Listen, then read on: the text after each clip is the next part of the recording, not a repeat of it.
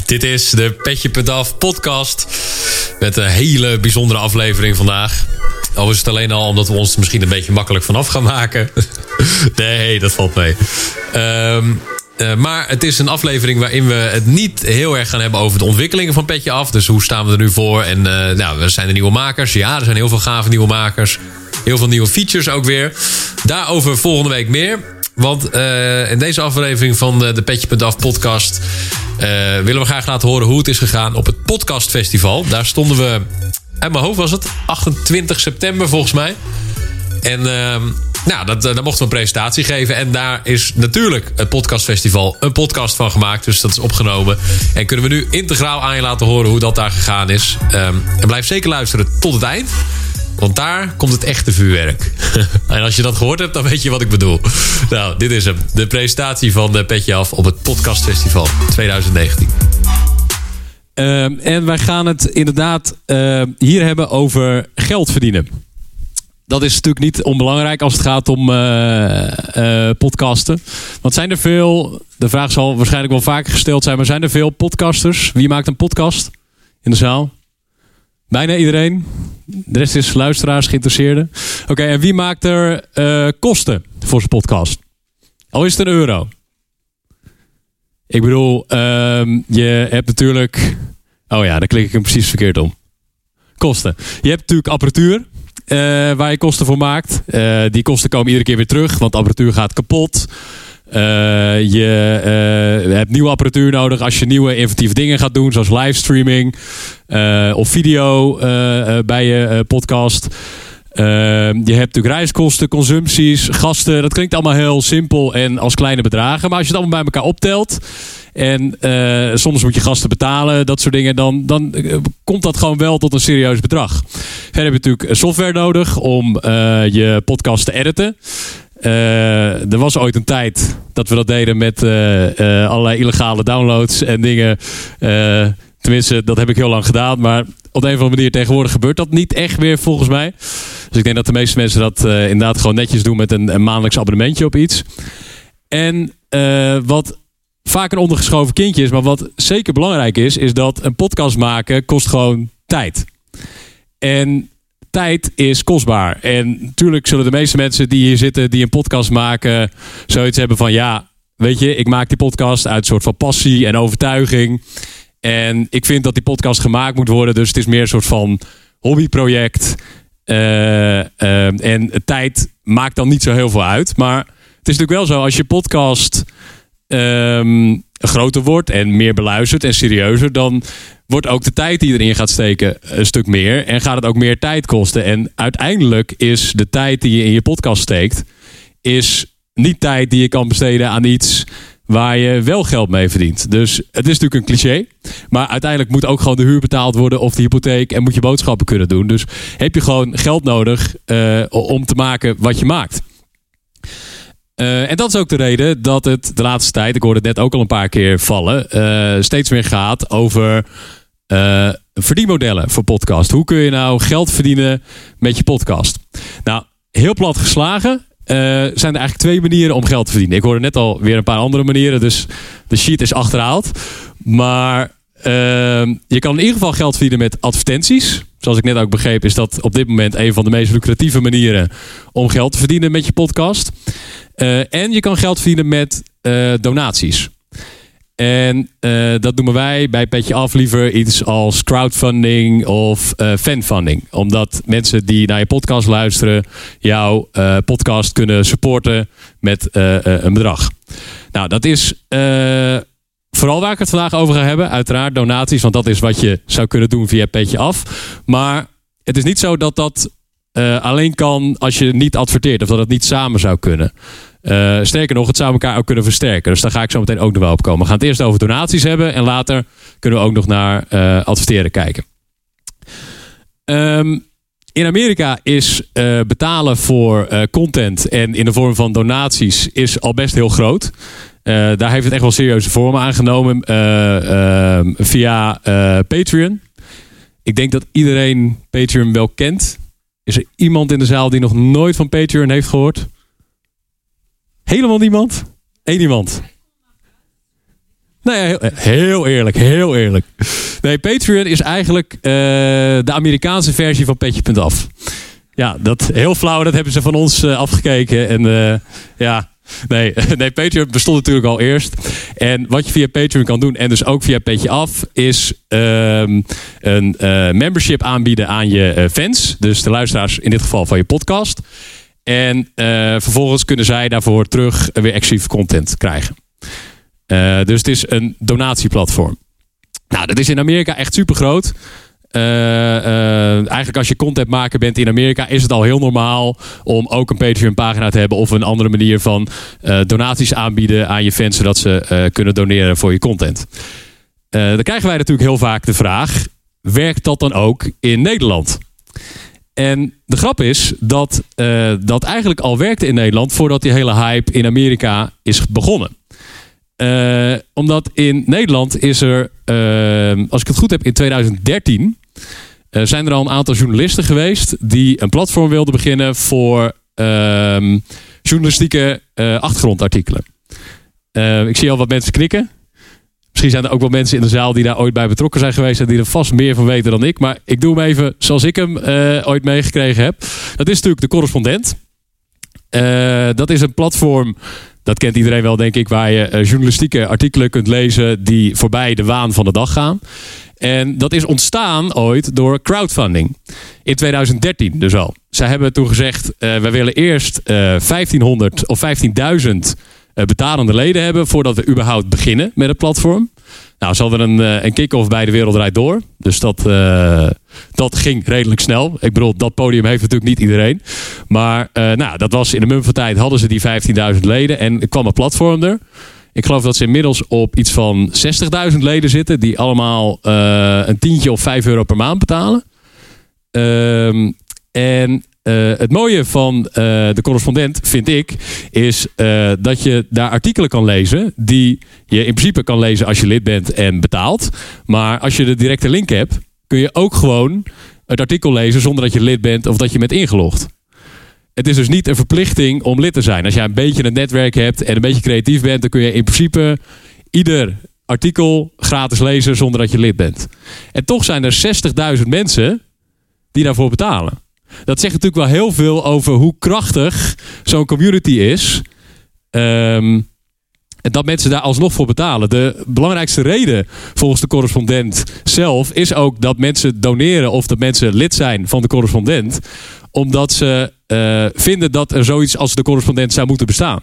Dus niet eens per se omdat ze dan die content kunnen consumeren. Maar omdat ze vinden dat het er moet zijn. En dat zien wij ook terug, dat dat bij heel veel mensen een van de belangrijkste redenen is om supportive of, of content te supporten. Ehm, dan komen we dus bij de belangrijkste redenen. Ehm, dat is dus in de eerste plaats dat content is waardevol. Dus eh, als jij een podcast maakt, dan heb je luisteraars. En die luisteraars die kiezen heel bewust om naar jouw podcast te luisteren. En die hechten daar bepaalde waarde aan. En natuurlijk niet allemaal, maar een heel groot deel daarvan zal die podcast zien als iets wat een heel, hele grote rol speelt in het leven van diegene.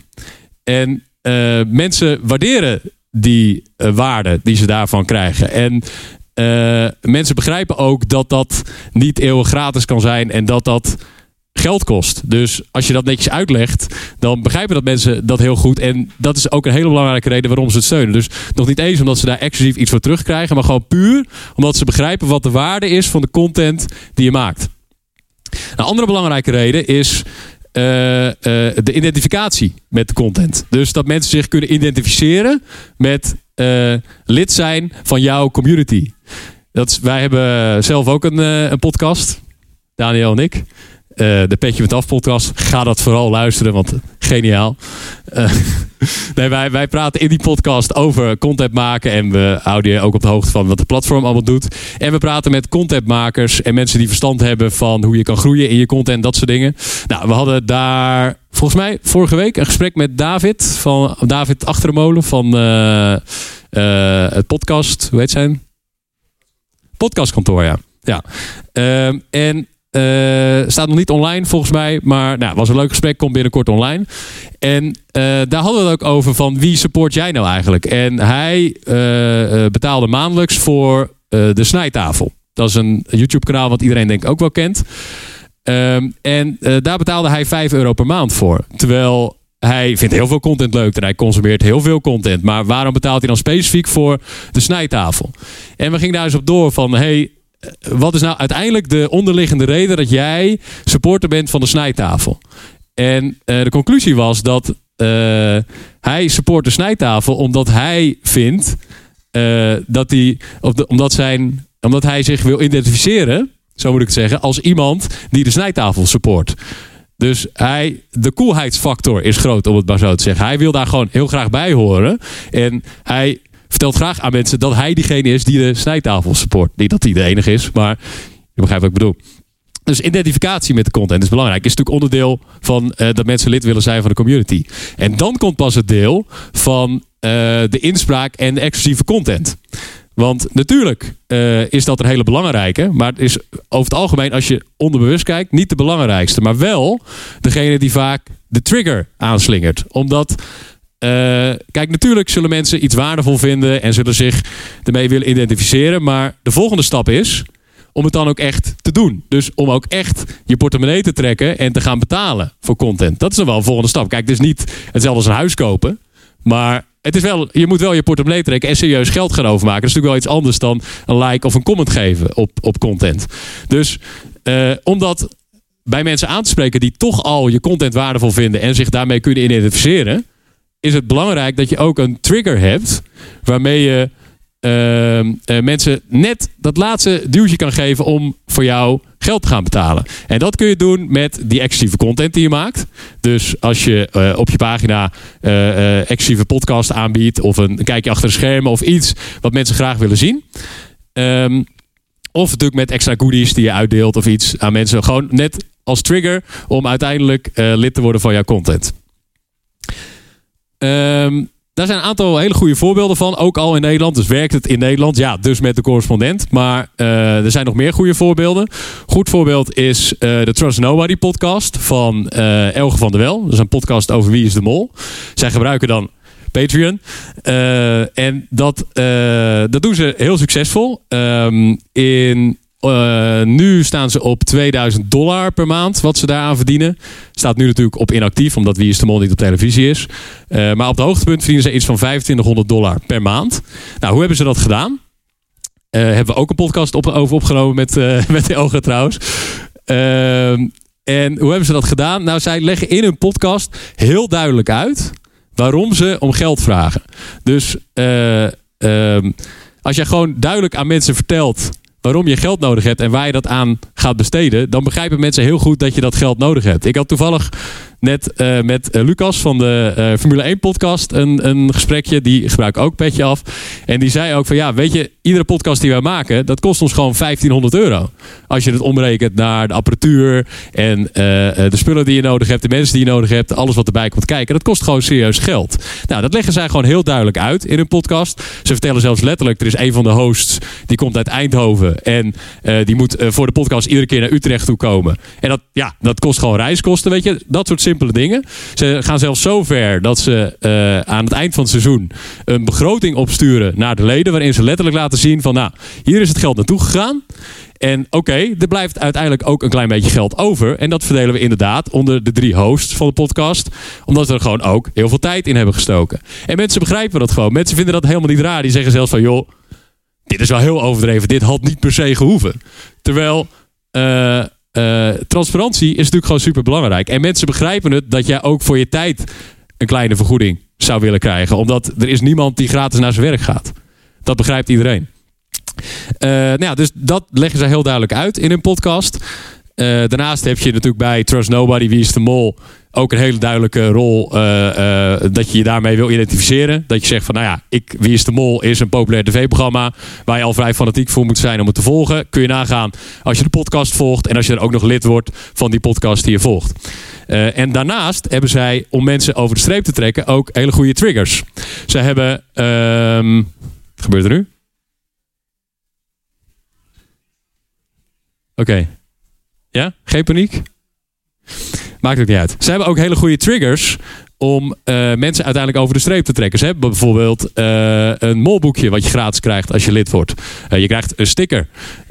Je krijgt natuurlijk ook exclusieve content. Want zij nemen ook weer extra podcasts op met ex-kandidaten of iets wat mensen van Wie is de Mol interessant vinden. Dus dat werkt gewoon heel goed. Ander goed voorbeeld is eh, Wilde Haren, de podcast. Dat is een podcast die eh, is aangesloten bij Petje Af. Ehm, dat is een podcast van eh, Jiggy J, rapper Jiggy J, Vincent Patty. En nou, best een populaire podcast. Die ook flink wat geld ophalen. Zelfs zoveel dat, dat nu de producer er fulltime mee bezig kan zijn. Ehm, en eh, zij doen het op dezelfde manier. Zij vertellen ook gewoon heel duidelijk waar het geld voor nodig is. Zij streamen elke week live. Eh, dat is dan te zien op YouTube met beelden. Wordt geschakeld. Eh, nou, er komen grote gasten. Ze hebben apparatuur nodig. Ze vertellen gewoon heel duidelijk waarom ze het geld nodig hebben. Vervolgens hebben ze ook een hele goede community. Met een WhatsApp-groep waar iedereen in komt als je lid wordt. Eh, en eh, exclusieve content die ze aanbieden. En mensen kunnen dus ook meepraten over de content die op dat moment gemaakt wordt. Dus als zij livestreamen, dan is die WhatsApp-groep super actief. En kan iedereen mee bepalen wat er in de content uiteindelijk gevraagd wordt aan de gasten. Wat natuurlijk super interessant is. En waarmee je ook echt een community creëert met alle mensen die erbij bij betrokken zijn. Doen ze super goed. Eh, daarnaast hebben ze ook eh, triggers die ze gebruiken. Eh, ze hebben een tijdje eh, gratis onderbroeken weggegeven. Eh, ja, op de een of andere manier wilden mensen heel graag een wilde haren onderbroek. Eh, en dat werkte gewoon goed. Weet je, als mensen iets krijgen, dat vinden ze gewoon gaaf. En zeker omdat het dan hoort bij de content die ze zo tof vinden, dan werkt dat gewoon goed. Eh, en die mensen blijven daarna ook weer, omdat ze zich dan onderdeel voelen van de community. Dus ze kunnen net wel één stapje nodig hebben, maar als ze dan eenmaal er zijn, dan voelen ze zich onderdeel van de groep en dat werkt. Ehm, ja, het mooiste eigenlijk van Wilde Haren is dat we hebben natuurlijk vrij nauw contact met die gasten. waren een van onze eerste gebruikers.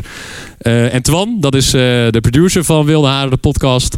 Die, ehm, eh, die produceert dat eigenlijk al van begin af aan. Maar ja, toen zij net begonnen, moest hij dat er een beetje bij doen. Dus toen was het verhaal dat hij er nog bij moest werken in een bar. Hij produceerde nog wat andere podcasts. Waar hij dan wel geld voor kreeg, maar die nou niet per se zijn passie waren. Eh, en nu verdienen ze zoveel dat hij voor het grootste gedeelte fulltime eh, aan die podcast kan werken. Waardoor niet alleen Twan een leuke leven heeft, maar eh, ook de content beter wordt. Er eh, vettere gasten worden uitgenodigd. Ze veel constante content kunnen maken. Voorheen was het eh, dat ze meer af en toe een podcast uitbrachten. En dan weer een seizoen lang niet, of dan weer wel. En nu is het gewoon constant, iedere week maken ze een nieuwe podcast. Doen ze allerlei extra events. En dat is alleen maar omdat Twan er nu bijna fulltime op kan zitten. En dat is wel wat, wat dit voor je, voor je zou kunnen doen. En ja, als ik Twan aan de telefoon heb, dat blijer ga je ze niet krijgen, zeg maar. Dat, dat is volgens mij ook de, als eh, creatieveling en als contentmaker, is dat wel het ultieme. Dat je gewoon kan maken wat je maakt, zonder dat je zorgen hoeft te maken over een inkomen of dat er wel geld binnenkomt. Gewoon puur omdat je iets maakt wat mensen zo cool vinden dat jij dat maakt op de manier zoals je het maakt. Dus zonder dat je concessies doet.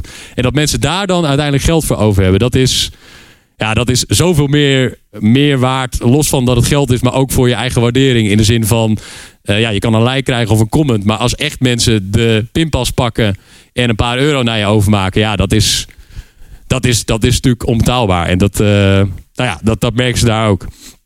Ehm eh, ja, dat, en dat is, dat is ook precies waar Petje Af voor, voor bedoeld is natuurlijk. We zijn nu live sinds 4 juli. Onafhankelijkheidsdag zijn we live met Petje Af. En eh, eh, we zijn inderdaad gebaseerd op de correspondent en eh, Patreon. Zijn we dan een Patreon-kloon? Die vraag krijgen we nog wel eens. Nee. Zijn we Patreon die Ideal en Incasso aanbieden? Ja, we bieden Ideal en Incasso aan. Dat maakt echt een heel groot verschil. Als voorbeeld, Wilde Haren gebruikte eerst Patreon. Waar ze nou, iets van 70 euro of zo mee verdienen per maand. Natuurlijk gewoon ook een serieus bedrag. En ik bedoel, als je dat met je podcast kan binnenhalen... kun je in ieder geval bepaalde kosten dekken. Ehm, maar eh, het is natuurlijk niet een bedrag waar je fulltime iemand voor in dienst kan hebben. Nou ja, toen zij met Petje Af zijn gaan werken, dus met Ideal en met eh Incasso, hadden zij binnen een dag, twee dagen wat ze verdienen via Patreon. En binnen een maand nou ja, ik weet niet exacte cijfers, maar waren ze vertienvoudigd of iets. Weet je, dat, dat, dat schiet natuurlijk wel op. Dus dat mensen willen gewoon betalen met Ideal en, en, en Incasso. En de meeste Nederlanders betalen niet graag met creditcard. Dus dat, staat, dat, dat is gewoon zo. Oké, maar zijn we dan een Patreon-kloon? Nee, omdat ik heel erg geloof dat er een heel groot verschil zit tussen Amerika en Nederland als het gaat om uh, geld geven voor iets, om doneren of om fooi geven. In Amerika is dat natuurlijk een hele andere cultuur. En in Nederland is dat vaak ongemakkelijk en nou ja, je zal het misschien zelf ook voelen in de twijfel van ja, moet ik zoiets wel gaan doen, moet ik zoiets niet gaan doen? Is dat, uh, uh, ga ik te lang door? Oké, ik maak hem even af, ja? Ik ben bijna klaar. Oké. Ik zal heel dreigend zo aankomen van... Uh, ik weet niet wat jij gaat doen, maar... Oké. Uh, ja. Nu duurt het alleen maar langer. Oh, ik snap het. Ja, ja, ja, ik snap het. Ik ga, ik ga heel snel door. Um, dus zijn Patreon Clone? Nee. Uh, ik denk, geloof dat het op een Nederlandse hele andere manier zou kunnen. En wat precies die manier is, dat moeten we natuurlijk met z'n allen gaan uitvinden. Dat zijn we, daar zijn we nu mee bezig met alle contentmakers die al aangesloten zijn. Zijn nu een stuk of honderd. Uh, en ja, daar hebben we natuurlijk graag nieuwe mensen bij. Hè? Dat is de hele clue van dit verhaal. Dus als je het leuk vindt, check petje.af. Uh, om daar te kijken of het dat voor je kan zijn. Als je daar vragen over hebt, check het bij Daniel of bij mij. Ehm, en ik had nog heel veel andere dingen, maar daar hebben we geen tijd meer voor. Ik ben hier nog wel even, dus je kan bij mij checken. En uh, nog één ding wat wel cool is. Dat ze vroeg mij van, kun je nog iets doen voor alle podcasters die hier zijn? Dat hebben we zeker. Want als je dus vandaag een pagina aanmaakt voor je podcast... dan hoef je de eerste drie maanden uh, niks te betalen. Het is sowieso gratis, maar dan betaal je ook geen andere transactiekosten en dingen. Dus dat, uh, als je dat vandaag doet bij Petje Af, dan is dat geregeld. Dat was hem. Ja, een beetje chaos aan het eind, maar dat was helemaal goed hoor. Uiteindelijk uh, uh, was er gewoon wat verwarring over uh, dat wij. Waren ook veel later begonnen. En nou ja, goed. Het, het lag niet aan ons in ieder geval.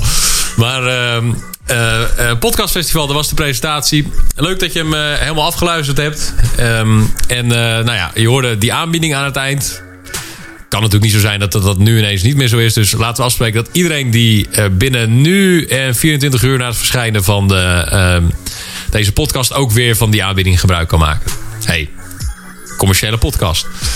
Verder kan je ons natuurlijk steunen, de content die we maken. En dat doe je dan via petje.af slash petjeaf. Uh, en daar krijg je toegang tot exclusieve content die we hebben opgenomen met een aantal gasten. En uh, check dat zeker. Support ons via petje.af slash petjeaf. Thanks voor het luisteren en tot volgende week.